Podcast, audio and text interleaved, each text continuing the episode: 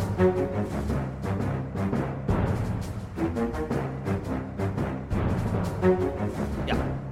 Ja, men Da ønsker vi velkommen til en ny utgave av Aftenpodden. Eh, vi er tilbake. Eh, jeg er Lars Glomnes med politisk redaktør Trine Eilertsen. Hallo. Hallo! Sara Sørheim, hallo. Hei, Lars. Åh, det er så god og fin stemning i studioet vårt i dag. Reunion, reunion. Ja, Ja. Det har vært utrolig trist å ha deg borte på sånn tullete språkkurs i Spania, Lars. Det er veldig bra du kom hjem. Du har gått glipp av utrolig mange kule, gøye, interessante nyhetssaker og andre ting mens du har vært borte. Til orientering. Så har jeg skjønt at jeg måtte tilbake her for at ikke denne podkasten skulle degenerere til en eller annen sånn familieterapisession. Eh, der dere klager over sånn småbarnsliv og henting i barnehage. Det, var, det, det var begynt å ta en retning som ikke var heldig. Det er helt klart. Helt klart. Ja. Ja, Ja. Det er veldig kort, altså det er lille fernisset som ligger mellom den utslitte småbarnsmora og liksom redaktøren på jobb, sånn noenlunde profesjonell. Altså det er veldig sånn tynn film, tynn hinne. Ja. når du ikke er her, så faller den fort bort. Og så ramler vi inn i liksom, novembermørket. Ja. Så, ja. så denne uken så er det en helvetes disiplin på dette opplegget. Det er, eh, Som vanlig. som vanlig. Så første sagt er 3 minutter og 40. Ja. Eh, nei, men det har jo faktisk vært Dere etterlyste litt politisk action. Og jeg vet ikke helt om det klassifiseres som det denne uken, men vi har i hvert fall fått et eh, statsbudsjett. Ja, Landet har fått et budsjett. Det er jo nesten en slags gledens eh, dag. Ja, altså med fjorårets erfaringer frist i minne, så er jo ikke det noen selvfølge. Så det må vi bare si takk for det. Ja, Og så skal vi, ja, vi skal videre inn i, i eh, Hagen uh, Gate, som er en fornøyelig liten historie som bare ruller videre. Mhm. Jeg tror vi skal klare oss uten SSB denne uken. eh, Ja. Gjøre vårt aller, aller beste. Ja. Eh, så får vi se om det Lite seg men vi kommer nok helt sikkert tilbake til det. Antageligvis, for det, det fortsetter. Men budsjettet i hvert fall. Eh, For da onsdag ettermiddag tidlig kveld så ble det klart at, at Fremskrittspartiet og Høyre er enige med Venstre og KrF om statsbudsjettet for 2018. Ja. De har flyttet på noen milliarder. Fem, seks? Fem-seks Fem, ish, seks ja. Relativt mye, det. Ja. I uh, budsjettsammenheng. Ja. Og de har nå holdt på i noen uker og forhandlet, uh, må man si. Ja, ganske mange uker. Ja. Og så en, en observasjon. I fjor, når det var budsjettkrise, så eh, ble de enige lørdag, lørdag ettermiddag. Og så timet de pressekonferansen til starten på Dagsrevyen. Lørdagsrevyen, faktisk. Og så fikk de stå live i Lørdagsrevyen og snakke gjennom hele budsjettet sånn uten, uten redigering, uten motspørsmål. Og det tror jeg de hadde så god erfaring med at det gjorde de jammen i går òg. Så da ble liksom eh, Dagsrevyen NRK en slags sånn En ja, plattform. altså, en plattform for de sånn helt Det er jo for sånn Men det er jo faktisk PR-inforådgiverfaglig. Må det jo være liksom aller ypperste gjennomslag du kan få. Og liksom bare si ja, pressekonferanse begynner klokken 19, og så er Dagsrevyen live inne. Da er jo faktisk NRK helt konkret mikrofonstativ. Da er det, det er ikke bare statskanal, det er regjeringskanalen, faktisk. Ja, Det er, det er jo en gammel eh, Er ikke det, det er en sånn gammelt Carl I. Hagen-triks? Ja, det er gammelt gammel Carl I. Hagen-triks Ja. å komme med ting sånn eh, midt i live i, live i Ok, men Dagsrevyen. Kjapp, kjapp runde da, før vi går videre. Hva gjør man da? Hva skulle NRK ha gjort? Det er jo, De kan ikke si nei akkurat til å få det servert heller, men det er, jo ikke noe, det er jo faktisk helt walkover for Sigbjørn Aanes eh, når de bare kan stå der og prate. Han må være ja? så glad. Han må være så glad. Jeg tenker, sånn, sånn er livet. Det er nyheter. Ja, må er- man si ja til det? Det er nyheter, så der er, tror jeg de må bare sitte og tenke at ok, norske folk lurer på hva dette budsjettet handler om. Og vi sender live uansett på den tiden, og dette foregår live. Ja. Så blir det sånn. Ja, okay. var, ja, Ja. til NRKs forsvar så var de veldig, de var veldig gode både på nyheter og, og på en måte stoff i Ja da. etterkant. da. Så det var ikke de som jeg Og de var de gode i forkant òg, absolutt. Ja, Ok, da. Da er det bare å bøye nakken og tenke eh, well played, eh, og vi må bare ta det ved agnet, fordi det, det er det vi gjør, liksom. Vi kan Ja. ikke la være å sende for å være kritiske. Og, Nei. eh, men Enig. eh, ja, de har, nå, okay. de har nå holdt på, i hvert fall. De. Eh, det har jo vært betydelig mindre konflikt eh, enn det var i fjor. Det kan man trygt si. Det var det. Da- I fjor var det jo partilederne som eh, forhandlet de siste ukene, faktisk. Eh, Og det pleier de jo kanskje gjøre sånn helt på slutten hvis det blir veldig vanskelig siste natten eller noe sånt. Da er de inne for å liksom si at her går stabbesteinene for vår del. I fjor holdt de på med det nesten daglig. I år har de visstnok ikke vært ja, De er jo selvfølgelig blitt eh, rådfør, eh, konferert med, men ikke vært liksom så en del av forhandlingene. Så det var jo, er jo de finanspolitiske talsmennene som eh, har eh, gjort dette. Eh, og det har eh, vært preget av, eh, sies det, at eh, Venstre de har vært veldig easy going sammenlignet med i fjor. I fjor var jo det kranglepartiet. Og i år er det KrF som har vært sånn eh, skikkelig stein i skoen for eh, alle de andre. Ja, ble sagt i går, eh, i går da jeg, jeg satt på jobb og bare tok litt telefoner sånn i i eh, interesse. Og, Mellom pausene, liksom? Mellom- Ja. Eh, da er jeg satt på vakt. Og, og det ble jo sagt fra, fra venstrehold da, at, at de egentlig var klare fra mandag av. Og så er det KrF som har sittet og eh, Ja. måtte, ja, Og KrF prøvde jo, altså Det har jo vært to sånne svære saker som er veldig viktige for KrF. altså Svære i statsbudsjettforhandlingssammenheng. altså I sånn norsk sammenheng er det jo ikke store saker. Men det har jo vært den lærernormen. Altså det å tallfeste hvor mange elever hver lærer skal ha ansvar for i de første fire klass, klassetrinnene eh, og forbi det.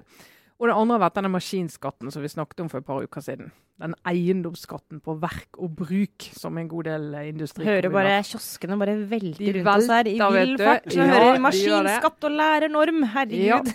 Men for, eh, for de som er interessert i budsjett og hvorfor det blir vanskelig, så er det altså det er de to uh, sakene. En er på inntektssiden, og andre på utgiftssiden. Uh, men men uh, KrF ville jo ha gjennomslag for å beholde maskinskatten. Flere KrF-ordførere har vært veldig opptatt av det. Det har vært samling utenfor Stortinget. Jeg fikk masse mail fra flere av de ordførerne som samles utenfor Stortinget etter at vi hadde hatt om dette i podkasten sist. De mente at jeg var helt eh, papegøye. Hørtes ut som jeg hadde snakket med NHO, så det tar jeg til meg.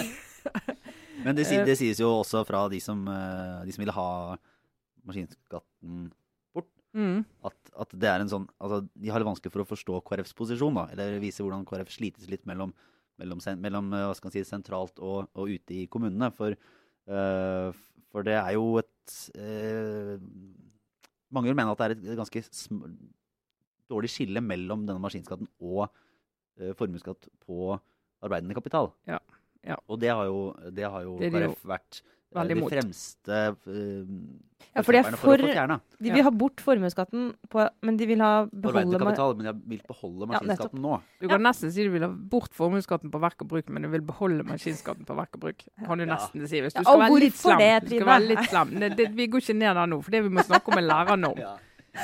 Ja. Og lærernorm, det er jo eh, for eh, Høyre og for Venstre, så er det, det er satans verk. Rett og slett. Det er det verste de vet. Og det er jo sånn i norsk eh, skolepolitikk at nå har liksom, ja, I løpet av årene nå da, så har det kommet en sånn brei erkjennelse av at mesteparten av ressursene må du bruke de første skoleårene. Det er der du må sørge for at ungene lærer å lese og gjøre sånn basic, som gjør at de ikke faller ut når de er 13, 14, 15, 16. Så det er de enige om. Men hvordan skal du gjøre det? Hva, hva betyr tidlig innsats? Det er en levende politisk diskusjon. Og der er det liksom hele spekteret, fra SV og KrF, som mener at du må ha en lærernorm på skolenivå, der du sier at du skal ha et bestemt antall elever per lærer. De vil ha 15 i første til fjerde klasse, og 20 i klassene videre. Vi snakker grunnskole her. Og så har du andre enden av skalaen, der eh, Høyre er, eh, særlig, og Venstre, som sier vi kan ikke ha norm, nei. Vi kan ikke begynne med det. Vi er nødt til å begynne med å utdanne flere lærere. Vi mangler tusenvis av kvalifiserte lærere, så vi må satse på å utdanne flere lærere, øke kvaliteten på utdanningen, og vi må heve kompetansen hos de som er der. Klassisk eh, liberale mot det mer kollektivt orienterte, da. Altså at du Ja, Eller på en måte ikke kollektivt orientert, ikke men at helt. Nei, men det er jo ikke klassisk altså, du, ikke, at du, Den derre motstanden mot en sånn norm eh, som skal være lik for alle. Ja, altså det, Det i, I at- Venstre sier de det veldig sånn. De sier det for å Altså hvis alt skal være likt, så ender det med at det blir for forskjellig. Ja. Og, hvis, og de sier at for å skape likhet, så må du ha forskjellige løsninger. For du må Altså, tilpasse de enkelte behovene. Du må tilpasse Ja. til skole. Og da er jo eh, KS, Kommunenes sentralforbund, eh, er veldig skeptisk til lærernorm. For de sier da skjer jo det at kommunene som da kjenner skolene og til dels klassene, og si, kan si at på den skolen har vi store problemer, der har vi lyst til å sette inn flere lærere, sånn som Oslo diskuterer nå. Mens på den skolen går det relativt greit, så der trenger ikke vi å bemanne så tungt. De vil miste den friheten. Det er en frykt, eller og en reell frykt. Andre frykten er at nå skal du lyse ut en haug med lærerstillinger. Eh, Ønsket må jo være å få tak kvalifisert lærer, det mangler vi. Da kan du risikere at lærere fra mange små kommuner enten sø søker seg vekk og til de store byene, så nå får masse nye lærerstillinger. Og du er nødt til å fylle på, for dette blir jo et krav, da. Med ufaglærte lærere. Og så vil andelen ufaglærte lærere øke. Og det er KS skeptisk til. Mange av kommunene er skeptiske til det, og Høyre og Venstre de får helt sånn utslett av tanken på det. I Venstre så vet jeg at et, etter at dette så langt inne å gå med på for å få med KrF, eh, sånn, sånn Ja. skikkelig skikkelig. Og, Ja. og Ja, for nå er du inne i liksom grunnstammen Kjerne, i ja. Høyre og Venstre og i KrF. Så det var men, veldig at dette binder opp i altfor stor grad. At Men hvordan, da må dere liksom enlighten me her. Hvordan skjer det da? Hvordan kan de likevel la det skje? Altså For det første, Hva mener Frp? Mener de noe om dette i det hele tatt, eller er de mer sånn samme de er, for oss? De er på høyre, altså høyre. Men, mens Frp har jo mer sånn tradisjon for å eh, egentlig litt sånn Ja, hvis kommunene ikke får til en politikk som vi liker, da må vi sentralstyre det. Ja. Altså vi må Eldreomsorgen må staten må ta seg av det, sånn at det blir likt i hele landet. Og det der, Dette er jo en klassisk eh, akse i norsk politikk. I hva grad skal du la kommunene få lov å styre og flytte på sine ressurser med tanken om at de vet hvor skoen trykker, og i hva grad skal du som nasjonalpolitiker og storting si at nei, kommunene de gjør ikke det de får beskjed om, vi må inn og overstyre. Og det er en sånn Men hvordan, så mener jo altså, Tilhengerne av lærernormen mener jo at dette er en, altså, det er en kvantitativ satsing på lærere. For det, det, du bruker jo penger på å ansette flere lærere. Ja. Så du mener at det, gir, eh, det vil monne mer i å faktisk få flere folk ut på skoler enn en den liksom litt mer diffuse eh, satsingen på, ja, på en bedre utdannelse. eller Altså på de Ja. andre formålene. da. Ja, og, det, og, det, og der òg går litt. Og, så har det vært en diskusjon skal du ha denne normen på skolenivå. Altså at du går opp til en skole og sier alle klassene deres så skal det være forholdet 1 til 15. Mm. Eller skal det være på kommunenivå? Arbeiderpartiet har typisk ment det skulle være på kommune, eller diskutert om det skulle være på kommunenivå. Eh, og ble vel enige om at det skulle være det, mens eh, de SV og KrF har ment det skal være på skolenivå. Så enda mer detaljstyring. altså, men, Så der også har du en akse, da. sant? men dette, altså, eh, dette er jo en stor sak innenfor eh, liksom skole- og utdanningspolitikken. Mm. Eh, og eh, skole og utdanning er også en stor sak for Høyre. Det er jo et Mm. felt som Høyre som parti har vært opptatt av å markere seg på. Så hvordan kan det da skje at de gir fra seg da en, denne saken til KrF? Altså det sånn, hva er igjen av Ernas er det for altså, Dette er et stort spørsmål, men som Ernas politiske prosjekt. Eh, rent sånn politisk, da. Eh, jeg skjønner at det- viktigste for henne er å få til en eh, fireparti, helst regjering, og i hvert fall et borgerlig samarbeid som fungerer. Men er det liksom, er det bare det igjen? Altså, jeg, det- når det, så ja. Ideologisk sett, da. Er Ja. ikke dette her en sånn en, eh, Er ikke det en for viktig sak å gi bort? Altså, sånn, Nei, ja, men det, det er jo ikke som at de det er jo på en måte, Også Høyre vil jo si ja, flere lærere og mer penger til skole. Det er jo ikke noe de De er ikke mot Det det. er mot. Så, Nei, nei. så det er jo litt sånn, ja, ok, alle kan være enige om at hvis du gir ja, jeg vet ikke helt om det blir 1,7 milliarder eller hvor mange drøye milliarder et, et eller annet til skole, så er det sånn ja, ok, det er jo ikke det, det, er ikke det verste som kan skje. Ja, det er ikke det verste som kan skje, men det er en del sånn følgeproblemer som de er redd for. da. Ja. Men, men, og så har det jo vært en jevn sånn økning av eh, ressursene til skolen de siste årene, men det er liksom innretningen på hvor de pengene går. Eh, Og så vil jo de si ok, 1, mellom 1,3 og ja, Det er litt sånn hvordan du diskuterer det, milliarder det er snakk om. Eh, Og så av det store budsjettet så er det ganske lite. Så da sier de greit, dette er prisen vi må betale. Men, men det er jo interessant, for det, tidligere budsjetter så har det jo vært sånn de har kommet ut med felles budsjett i fire. De har hatt en samarbeidsavtale. og så har det vært en sånn, dette er vi enige om, så har det vært selvfølgelig preg av politiske seire i det budsjettet. Men her er det jo veldig sånn kanontydelig KrF-seier, fordi Mm. han er så utrolig på tvers av det de andre mener. Sant? Helt sånn reservasjonsrett på tvers. Ja. liksom. Men dette er også litt interessant synes jeg, når jeg tenker på spillet mellom de ulike samarbeidspartiene her. fordi mitt inntrykk er jo at tidligere har det vært Venstre som har vært den største utfordringen, og i fjor var det de som lagde mest bråk i det som var budsjettkaoset den gangen. Eh, og jeg har liksom hatt inntrykk av at det har vært veldig viktig for eh, Solberg og co. å få liksom Venstre med inn i, et, i regjering nå. At det er, de ønsker veldig sterkt det. Eh, og at liksom, bekymringen rundt KrF har vært litt mindre. Litt sånn, KrF har oppført seg tross alt litt penere liksom, i, i, eh, på Stortinget. De har lagd mindre trøbbel for regjeringen de for, forrige fire årene. At det viktigste nå var å få liksom, Venstre om bord, for, for liksom bare få, få dem til å måtte holde kjeft. Bare bli med, men at de kunne leve ganske greit med å ha KrF utenfor. Det har vært mitt inntrykk tidligere, men nå eh, er det omvendt. Nå er det KrF som er vanskeligst å ha med å gjøre. Altså, er Ja, det helt altså, tilfeldig, KrF eller har de skifta strategi, eller hva skjer? Ja, liksom? KrF har jo, nå vil jo noen stygge, øh, vonde, onde stemmer vil jo si at KrF ikke har en strategi. Ja, kanskje men det er men det, problemet, som, ja. men det som er faktum, er jo at de er et parti på, altså reelt på vippen, eh, som kan eh, faktisk være make or break for den eh, Erna Solberg sitt flertall. Eh, og de har jo brukt det. Eh, og har fått muligheten til å bruke det. Og en del av den politi de politikkendringene vi ser nå, er et resultat av at Stortinget har en annen balanse, annen tyng tyngdepunkt enn det hadde før valget. Så Erna Solberg er nødt til å belage seg på, det er jeg helt sikker på hun er fullstendig klar over og innstilt på, å måtte styre på en del sånn politikk som hun er direkte uenig i. Av en del sånne.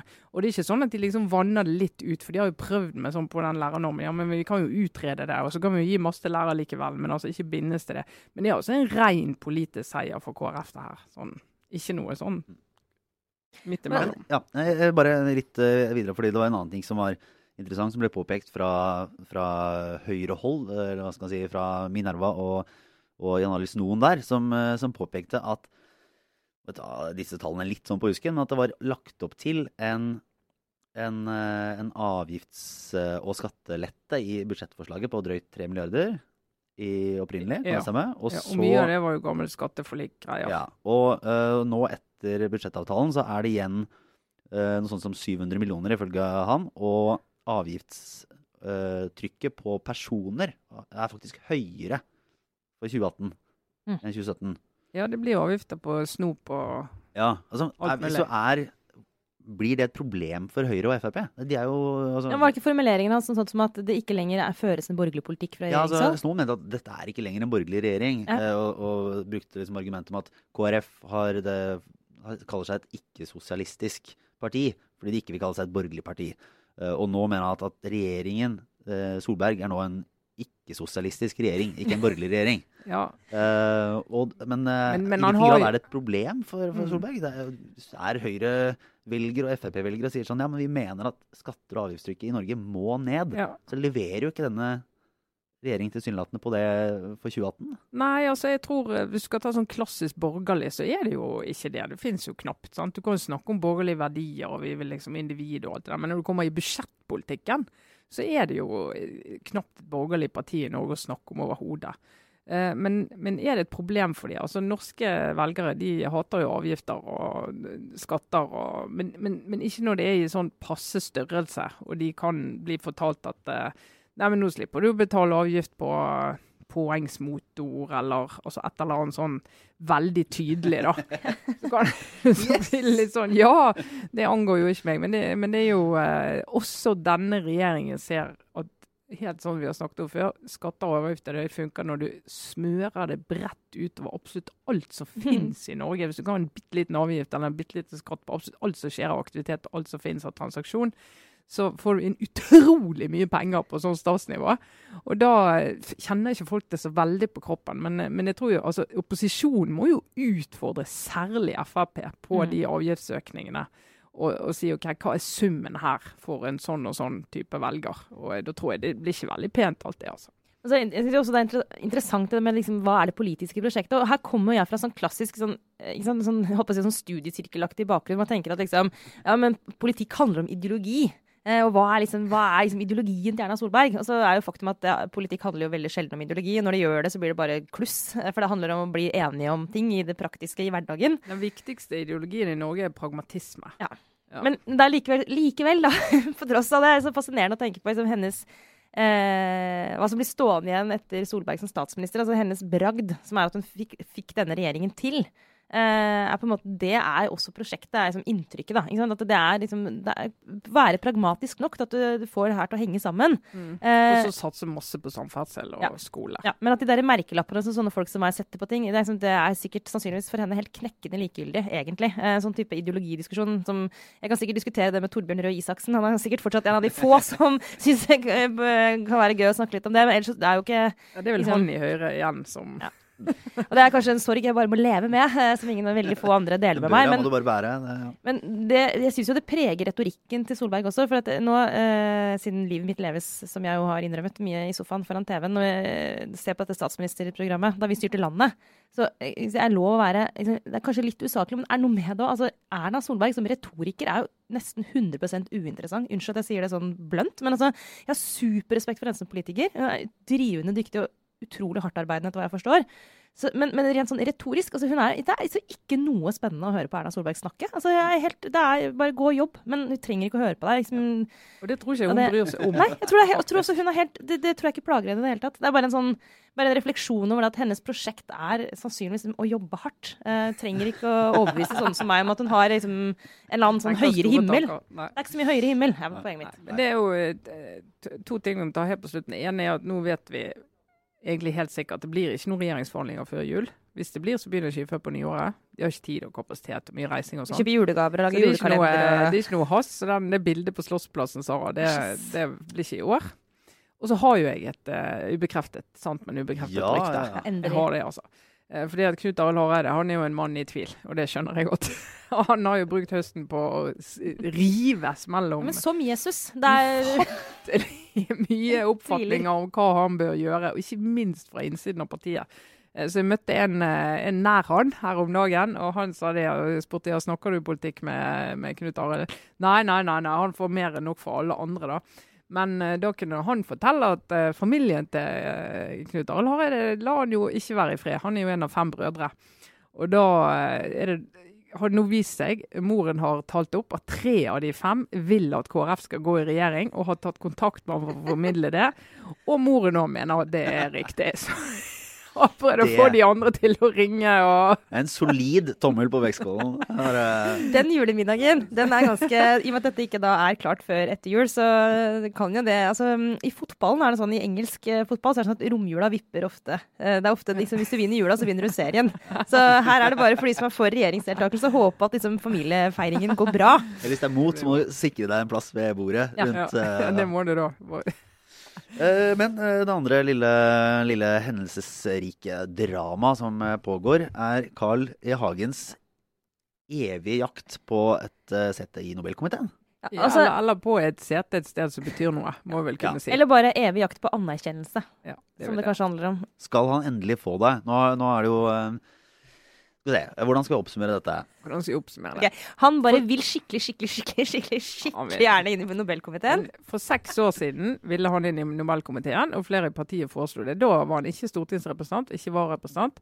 Eh, da var det jo Siv Jensen som satte foten ned, og han jo, ble jo så bitter og så sint og sendte brev til stortingsgruppen der han sa aldri vært så såret og lei seg og ydmyket. Noen gang, faktisk. Og det er ikke små saker.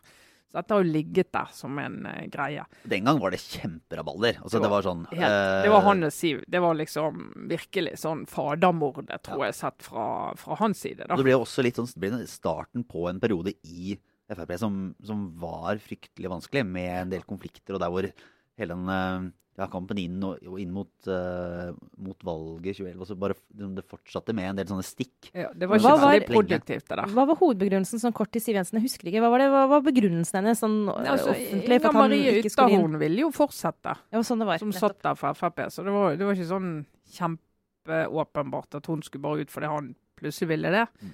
Eh, men eh, så kom det opp igjen i høst, eh, og da var det jo mange som tenkte at eh, For han er jo vara til Stortinget. For han ville jo absolutt stå på listen i fjor. Husker eh, Anja Stenersen måtte bare vike.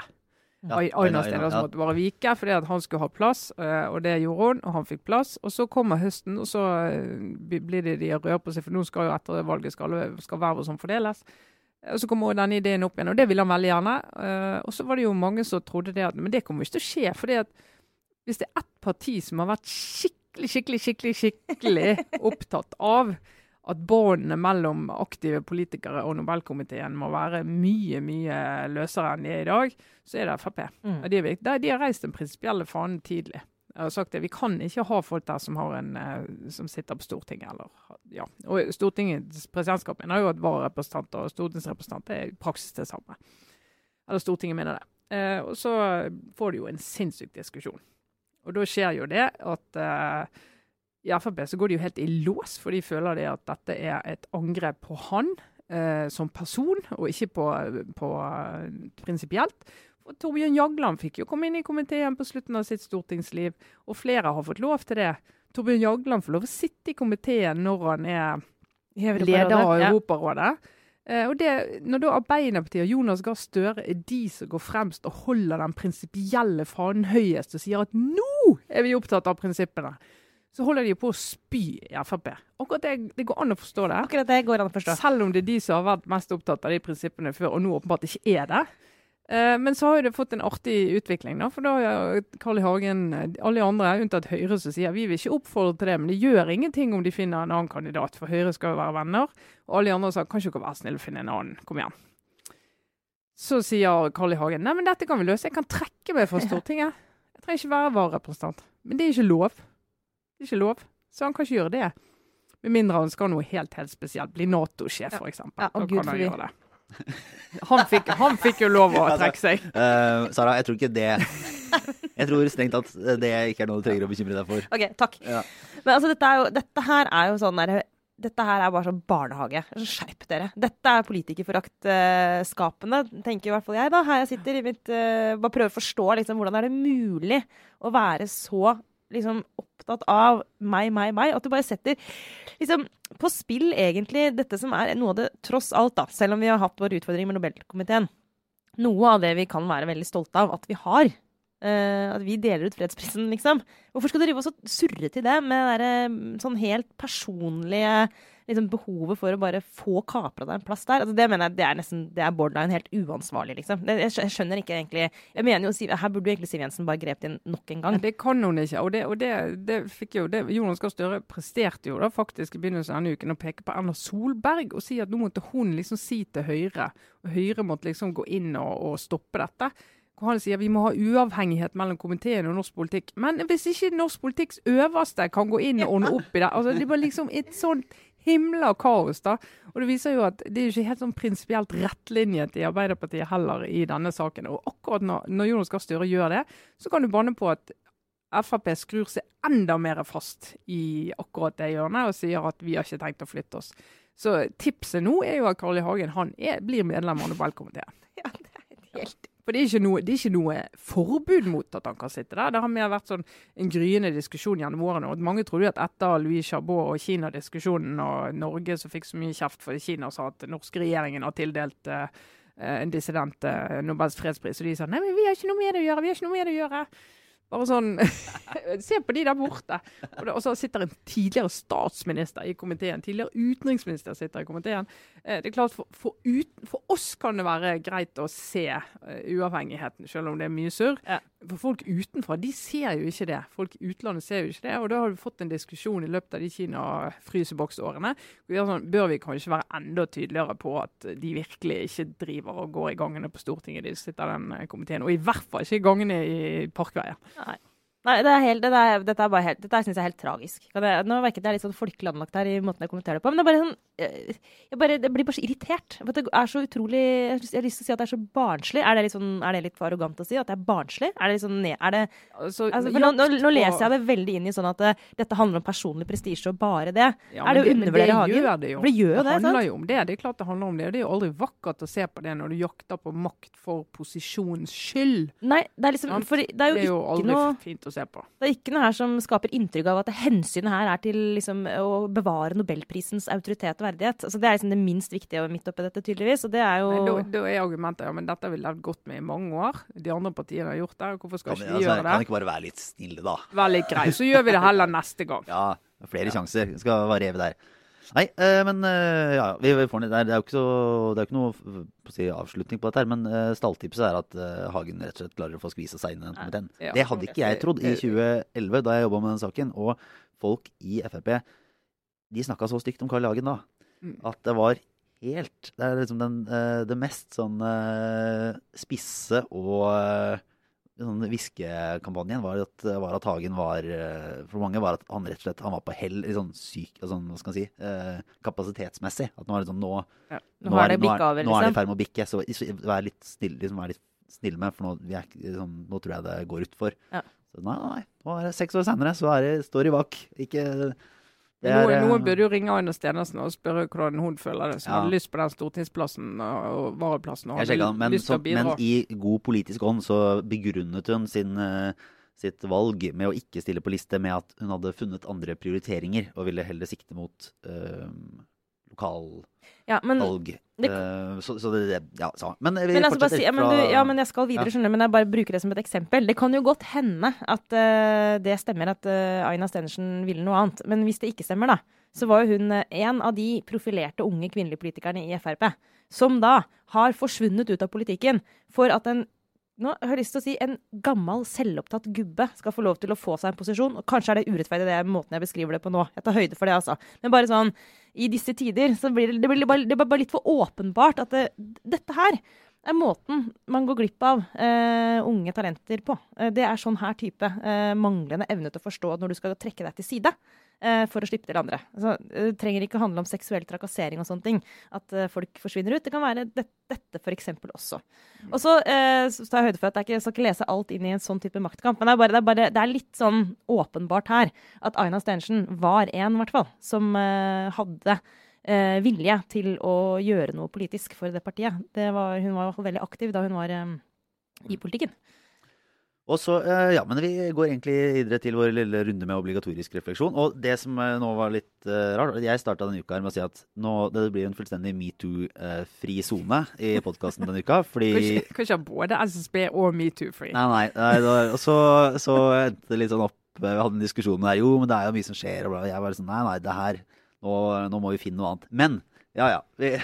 Ja, men poenget er at helt kort. Ja, men- helt kort, fordi Det er akkurat det dilemmaet vi står i. Og det er det som er litt interessant nå, hvor det her går videre. For nå hadde vi jo en ny runde med opprop.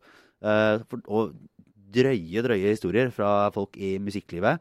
Eh, både på en måte mer sånn popmusikk og, og klassisk musikk. Uh, som fortalte sine historier, og på en måte stiller seg bak påstanden om at deres arbeidsmiljø er påvirka av seksuell trakassering og overgrep. Ja, at det er en ukultur, og at den er strukturell.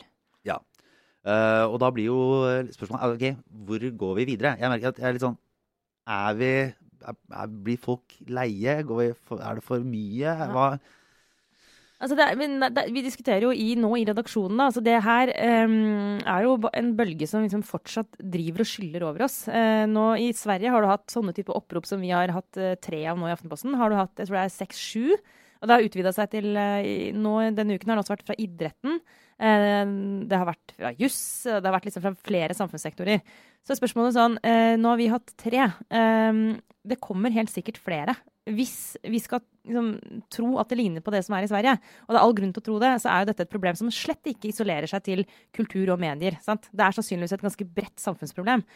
Så da står vi her og lurer, da. Liksom, journalistisk nå, eh, hvordan dekker vi dette? Og også sånt for metoo-kampanjen mer sånn generelt. Eh, hvis den skal ha en effekt, så må jo vi på et tidspunkt gå fra det deskriptive, liksom, å forklare og vise fram problemet, til at det liksom må få konsekvenser. den tabloide journalisten i meg roper at jeg vil se blodet flyte i gatene. Ja, ja, ikke sant? Eh, ikke sant? Altså nå må, ja, drit i det. Nå, ja, ja, det er veldig fint at vi liksom viser det strukturelle og viser det store, men, men eh, hvis det nå er sånn at eh, folk går igjen stadig vekk og, og begår overgrep og faktisk liksom er fullstendig svin og får lov innenfor disse institusjonene, så, så må vi som medier gå hardere på de folka som står bak dette her. Og så må de folkene som signerer oppropene, ikke bare uh, gjemme seg bak det oppropet, uh, men fortsette å ta den debatten litt på, sånn der, på enkeltsaksnivå. Altså Ja. må si sånn Ja, OK, Uh, vi er villige til å beskrive det store strukturelle problemet, og så er vi villige til å gå inn i den saken og sørge for at det blir rydda opp. Ja. Ja, det må gå, de må tas formelt inn i sine institusjoner. At de må være villige til å stille seg bak det. Så sånn der, ok, men nå, Dette har vi opplevd. Dette er den personen. For all del, ta liksom et formell runde innad i kunstinstitusjonen eller teater eller liksom bransjen. Men det må skje. Det kan ikke være sånn at eh, ja, ok, vi har signert oppropet, nå må vi bare satse på at, at uh, folkemeningen og disse Ja. liksom, svina skal, skal lese det og så forstå og så oppføres annerledes. For da, det blir for vassent. Men, jo, men bare er vi kommet dit nå? For det, jeg, jeg, jeg er litt enig med deg at altså, konsekvenser må inntreffe. Eh, hvis ikke så blir det et slag i lufta. Men nå har jo de som har liksom, foreløpig kommet frem med sine historier, har jo vært liksom, kvinner veldig nær mikrofonene. Altså I yrker og bransjer hvor du liksom, lever av å uttrykke deg, og som vi kan kanskje litt sånn grovt sett si er litt sånn elite, litt sånn elitekvinner. da. Eh, Så før vi kommer dit, altså hva med liksom alle de andre sektorene? Hva med alle de andre som opplever dette, som kanskje trenger litt mer tid på seg for liksom å komme frem? Altså Det kan ikke være sånn at bare fordi at nå, er, oi, nå har det vært tre grupper som har uttalt seg, så nå, hvis det nå kommer et sånt initiativ et annet sted fra, så er vi liksom ferdig med det. sant? Jeg kjenner litt på den nå, at vi må ha tålmodighet i altså Ja, Dette er bare men så vidt begynt. alle må altså, del historier og bring det opp. Jo flere sånne opprop, jo bedre. Men det må, liksom, det må tas videre også. Vi kan ikke uh, ja, sitte og få en sånn, ok, ja. få litt sånn, en, bare en ja, ny bølge, og så selvfølgelig ja, få en runde med ja, jurister og leger og sykepleiere og tannleger og industriarbeidere og hva det måtte være. Ja. Det må liksom Men, men eh, jeg tror altså jeg tror alle sånne Jeg var faktisk på et alles lite lederkurs i går. ja.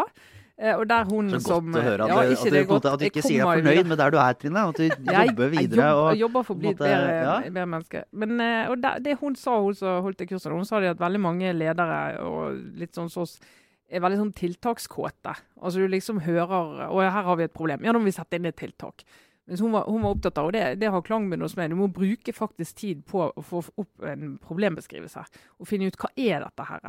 Hva er omfanget av det? Altså Hvor mange angår det? Hva konkret? Hva er forskjellen på liksom kriminelle overgrep og en, en, ukultur i ett sted i en bransje, i én avdeling, i en bedrift. Altså liksom, du må liksom finne ut hva dette er for noe, før du går inn med sånn svære generelle tiltak og politikk og ditt og datt altfor tidlig.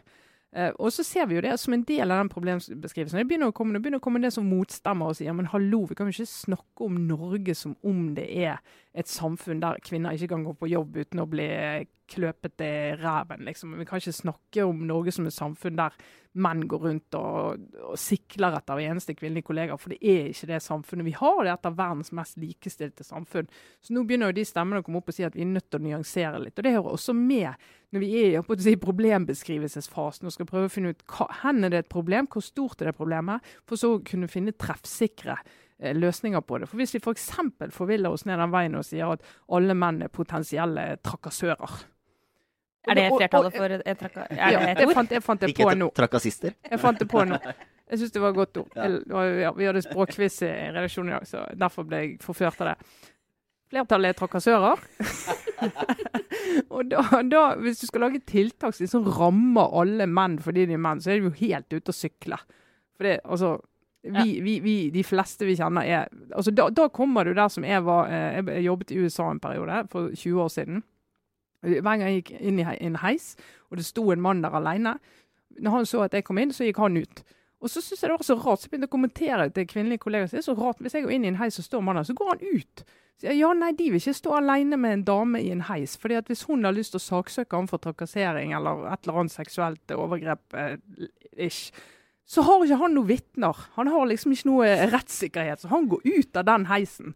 Og det er jo en del som sier ok, vi må ikke gå ned en vei der vi begynner å snakke om dette som om det er der vi er. Ja, men altså, selvfølgelig, det er ingen vil dit. Men samtidig så jeg kjenner også litt på den der nå at nå, uh, dette mener jeg er en sånn type sånn feil man fort kan gjøre. da. At vi på, selvfølgelig, det er positivt. Vi er trent opp, særlig i, yrkes, altså i mediene, til å skulle liksom se en sak fra to sider. og liksom, Når det har vært veldig mye fra den ene kanten, så må vi nyansere med å se det fra den andre kanten. og sånn. Det er et bra prinsipp, men det, det tror jeg det liksom slår inn nå sånn Nå har det vært to uker hvor vi har hørt om uh, disse historiene hvor folk forteller om sextrakassering. Nå er det på tide å få frem motstemmene. Da ble jeg sånn Nei, vet du hva? De motstemmene de har fått dominere denne uh, samtalen og diskusjonen og egentlig virkelighetsbeskrivelsen alltid. Nei, men Det er jo an på hva motstemmer vi snakker om. Vi har jo ikke motstemmer som sier at dette problemet fins ikke. Det er jo ingen som sier det, som Nei, ute og snakker nå. Hvis man begynner liksom å skulle aktivt Det blir litt falsk balanse, da, egentlig det jeg prøver å beskrive. Hvis man skal liksom nå aktivt begynne å hente folk som mener at jo, men det er litt overdrevent, og nå må vi passe oss så vi ikke ender opp i en, eh, sånn der, i, i en, en, virkelighetsbeskrivelse der hvor man sånn feilfremstiller det norske samfunnet. Jeg tror vi liksom kan ta det helt med ro. Vi er veldig langt unna at liksom folk går rundt og tror at å herregud, Norge er bare fullt av menn som sextrakasserer. Nei, men vi trenger ikke å hente folk som mener det. Det er bare å gå rundt i redaksjonen her, det, der det er tross alt et ganske representativt utvalg av folk. Eh, og folk vi møter på vår vei. Eh, og jeg har fått flere kommentarer denne uken enn forrige uke som handler om at nå, nå, må vi liksom nå må Vi i hvert fall, vi vil gjerne høre mer, vi vil få vite mer. og Det er litt der som Lars sier, at nå må det få konsekvenser for en del av disse. her. For, altså Innenfor disse bransjene vet vi at det er en del gjengangere. Jeg er mm. helt sikker på at det par av de, en del av de historiene som blir fortalt her, da er det samme person det gjelder, som er, er gjerningsmannen, om du vil. Uh, og altså, Vi er nødt til å komme dit at noen kjenner at nå er vi nødt til å, å ta tak i han fyren der. Snakke med de han jobber med, jobber for, og liksom få, få, ja. få løst det. sant? Jo, dit altså, må vi. Ja, men det er for tidlig å gå dit. Altså, ja, jeg, ja, jeg er helt enig, og det er ikke sikkert, altså, Vi skal ikke begynne der allerede. For igjen, jeg mener vi skal ta oss tid til problembeskrivelsen. Ja. Og få den opp og få det frem, og vise bredden i dette, og ikke minst eh, grusomheten i dette. Uh, men eh, vi, vi, kan ikke si når folk kommer og sier at nei, jeg, jeg kjenner ikke meg igjen i dette, så kan ikke vi si at nei, nei, nei, nå må ikke du snakke om det, for nå holder vi på å vise omfanget av problemet, så jeg vil ikke høre om det nå. Jeg er enig i det. Altså, det her syns jeg faktisk er en helt sånn reelt vanskelig sånn, vurdering. Fordi jeg, På en måte så jeg føler litt sånn der, eh, Den ene siden av meg reagerer egentlig veldig sånn hva jeg personlig mener om dette. Så jeg, jeg bare sånn, Som privatperson, da. Jeg, si, altså jeg er utrolig glad for det som skjer nå. Jeg tror det er kjempeviktig. Det er bare sånn virkelig så det er sagt. Jeg tror det her eh, kan bety masse. Eh, og at ting endrer seg, håper jeg, med denne Ja, og bevegelsen. Aftenposten mener jo det. Altså, Ja, Det er jo derfor vi bruker så mye plass og ressurser på det. Men, men, men, men jeg skal tenke mer sånn, holdt på å si, redaktørfaglig. altså den, Av hensynet til den offentlige debatt, som, som bryr seg fint litt om hva jeg personlig måtte mene, så er selvfølgelig så ser jeg liksom behovet her for å nyansere ut. Vi kan ikke drive og liksom kampanje, bare teppebombe med bare én side av saken. Men jeg bare, jeg bare kjenner litt på den derre Eh, hvis vi hopper for raskt eh, over i liksom, skal gå etter konsekvensene og skal gå etter liksom, enk de enkeltpersonene, så tror jeg kanskje vi mister litt av syne at dette er også et, et problem som Ja, det er noen som, utfører, ut, som gjør liksom, virkelig sånn alvorlige overgrep, men det er også veldig mye som handler om kultur, som er hver og en enkelt hendelse for seg litt uskyldig, men som summen av det blir et problem. Og det er ikke sånn, Lars, det er ikke sånne saker som kan føre til oppsigelse og sånn. Dette er mer sånn hvordan snakker vi med hverandre? Eh, Og den kulturendringen der som også må til, den tror jeg vi trenger litt mer tid på. Hvis vi skal gå inn i, liksom, og tenke bare konsekvenser, så får vi tatt kanskje de verste. Vi får tatt lovbryterne. Men da blir det også på en måte de der borte som oppfører seg dårlig, mens alle andre liksom slipper unna. Skjønner du hva jeg mener? Mm. Ja, Så det men- må finne liksom men den jeg vil- Jeg vil egentlig bare ha mer, jeg, men jeg vil at jeg også må, liksom, du må vise at vi klarer å takle det på en sånn uh, takte på et eller annet vis. Altså, vi må, Ja. Det må, må skje noe mer også, i stedet for å liksom, bare vise gang på gang Ja, At ikke alle sitter er. sitter med en sånn tomhet plutselig når oppropene begynner, slutter å komme. Så sitter de med en sånn. sånn tomhet Ja. og tenker ja, og nå, nå da? Hva, hva skjer nå? Altså, Ja, og en ting som er helt sikkert, for å runde av det, er jo at, eh, som du var litt inne på, Trine, hvis det blir sånn at folk, veldig mange, faktisk opplever at nå har det Jeg kjenner meg ikke lenger igjen, jeg tror dette er overdrevent. Da mister jo de historiene hele sin funksjon. For poenget er jo å vekke folk. Så det, er- det fins helt sikkert en, det en grense her et sted, altså. men, de, Så, men ja. de er ikke overdrevent. Historiene fins jo. Men det er det der å si at de fins, men det er ikke representativt for Ja. hele miljøet eller alle som er der, eller at det, er vanlig. Det er jo ikke vanlig. Det mener ja, jeg at Jeg er må ikke sikker på om jeg kunne skrevet under Eller altså, jeg vet ikke om jeg ville spurt, da, siden jeg er mann. Men jeg er ikke sikker på om jeg kunne skrevet spurt. under på et sånn opprop for mediebransjen. Ja, men det har jeg faktisk gått og tenkt på. Eh, Mm. Så det syns jeg jo Altså, jeg ville jo, jeg vil jo støtta saken til de, Ja. som, eh, de som har opplevd noe, men jeg, jeg er ikke sikker på om jeg kunne skrevet under på at jeg mener at, at mediebransjen har et sånn et utprega strukturelt eh, problem mm, Altså sånn utover det, altså som er sånn spesifikt for Ja. mediebransjen. At det, liksom, her er det ekstra mange som, uh, som eh, oppfører seg og utnytter posisjonen sin. Jeg tror jeg ser at det er et, det er et stort problem som på en måte burde vært tatt opp mye før. Men å si at det er en sånn Ja, OK. vi- Ja. ja som, som en sånn Vi har en, et, en spesiell utfordring med dette. Jeg, jeg, ikke, jeg, er ikke sikker, jeg, er ikke, jeg er overbevist om at jeg kunne stilt meg bak en eh, Jeg har jo innsett at jeg kunne det. Jeg ville vel, hvis noen hadde spurt meg for to-tre måneder siden om jeg kunne skrevet under på et sånt opprop som, eh, hvor man delte historier og på en måte gikk god for på en måte da, at det er et, en ukultur i mediebransjen som går på seksuell trakassering, så ville jeg sikkert sagt sånn nei jeg, nei, jeg kjenner meg ikke igjen i det. Men nå har jeg innsett at det kunne jeg jo selvfølgelig skrevet under på, for jeg har jo opplevd det sjøl. Men, men jeg syns det er for mye å si at det er en ukultur i hele mediebransjen. Jeg tror det er det mange reagerer på. Ja. Fordi at altså, veldig mange i mediebransjen har aldri opplevd det. Mm. Ja, men har det er jeg har enig med deg De har ikke sett det, de har ikke hørt om det, de har ikke opplevd det. Sånn at du kan si at Men i den avdelingen, der er det det. Eller i den delen av det mediehuset, eller kanskje i det mediehuset. Men å si at det, i hele bransjen er det en uketur, det er veldig sterkt, Mm. syns jeg. Ja, men eh, vi, vi, jeg tror vi skal Vi prater godt på vei. Vi har et par eh, kjappe sånn- Du prøver å si sånn nå orker jeg ikke å snakke mer om dette, la oss gå Ja, videre. nei, nei, det er altså, greit, nei, problemet, problemet er at jeg, jeg rent, da vi liksom driver og den ørlille planleggingen vi gjør da av podkasten, så, så var jo jeg da på at dette, jeg, dette mener jeg at vi er ferdig snakket om. Uh, og så har det seg sånn at jeg snakker om dette her hele tida uh, ellers, og jeg syns det er kjempeinteressant. Så da er det litt vanskelig å la være. Men, uh, og nå tror jeg vi har snakket nok for i dag. Ja, det kan vi være enige om. Ja. Uh, Så eh, det var egentlig bare nå en kjapp liten runde med en, eh, en anbefaling fra deg, Trine Eilertsen. Ja, en Kulturell Eh, eh, Kulturell. Altså, ja. jeg er jo uh, ser jo på TV.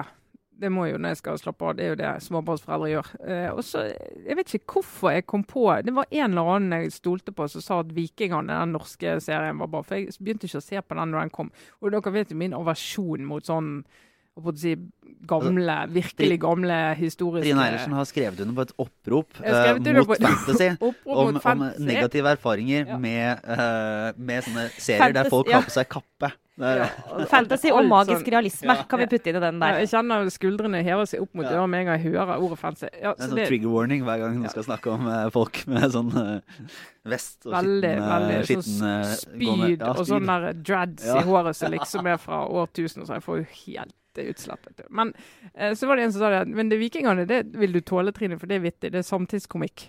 Og så satte vi ned og så, for det er jo mange skuespillere der, så jeg mener jo noen av Norges aller morsomste skuespillere spiller i den, eh, i den serien. Så begynte vi å se på det hjemme hos oss. Og nå har jeg binget to sesonger av det. Jeg har ledd høyt i stuen. De tar altså hele vår måte å snakke om samfunn på inn i de der sinnssyke kulissene med disse ufattelig festlige skuespillerne. Jeg ler sånn.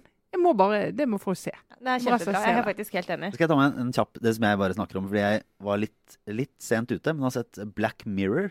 Eh, Britisk eh, serie som bare mm, Hvis du eh, ser på den, så har du noe å snakke om i ukevis. Men du, er det drama, eller er det eh, Hva heter det for noe da når det ikke er drama? Hjelp meg. Eh, dokumentar. Nei, nei, nei, nei, nei det, er, det er drama. Det er Men, drama. det, men det er ikke fantasy. Ikke fantasy. Det er, det er, del, det er en snev av science fiction. eh, så.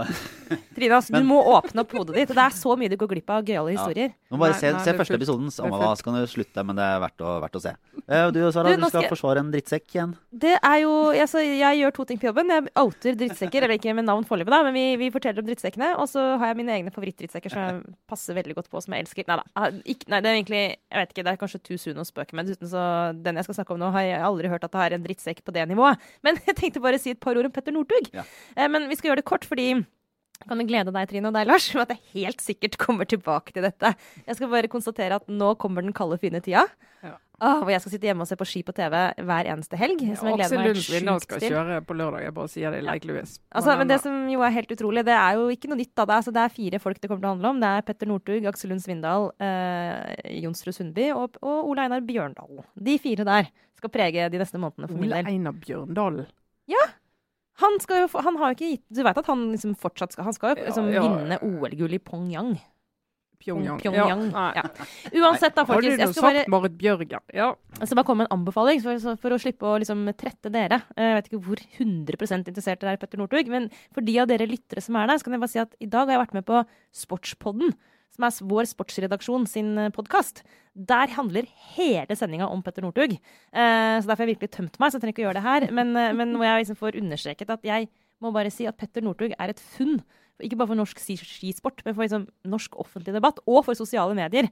Og at landslaget og landslagsledelsen i Norge de må bare skjerpe seg. De må bare være voksne og sørge for at han bare kommer seg med på de rennene han skal gå. Og ikke drive oss og drite seg ut, unnskyld meg, på å skulle liksom krangle om han for ikke vil være med på landslaget. Sånn jeg tolker hele denne utestengelsen av Petter Northug. Eh, helt i takt med kommentarfeltet på Skiforbundet sin Facebook-side.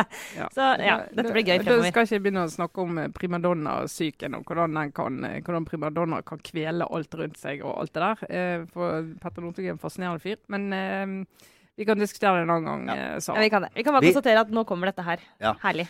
Og så takker vi for oss for denne uka her. Eh, Vi, vi legger ut ting på Facebook. Litt hyppigere enn det som har vært gjort. Vi må ta, eh, bare Bare si det rett ut, Lars, mens du har vært borte. Mens jeg har vært borte, så det har ja. vært litt dårligere aktivitet der. Eh, Det tar vi selvkritikk på. Ja. Det er strukturelt problem, overhodet ikke individuelt. Nei. Så, og så, nei, så stikker vi av, og så fins vi på Spotify for de som har lyst til å teste ut en ny måte å høre oss på der. Ja. Og så driver vi med alt mulig rart. Så eh, takk for oss. Det var Trine Eilertsen, Sara Sørheim og jeg, Lars Klomnes. Ha det bra.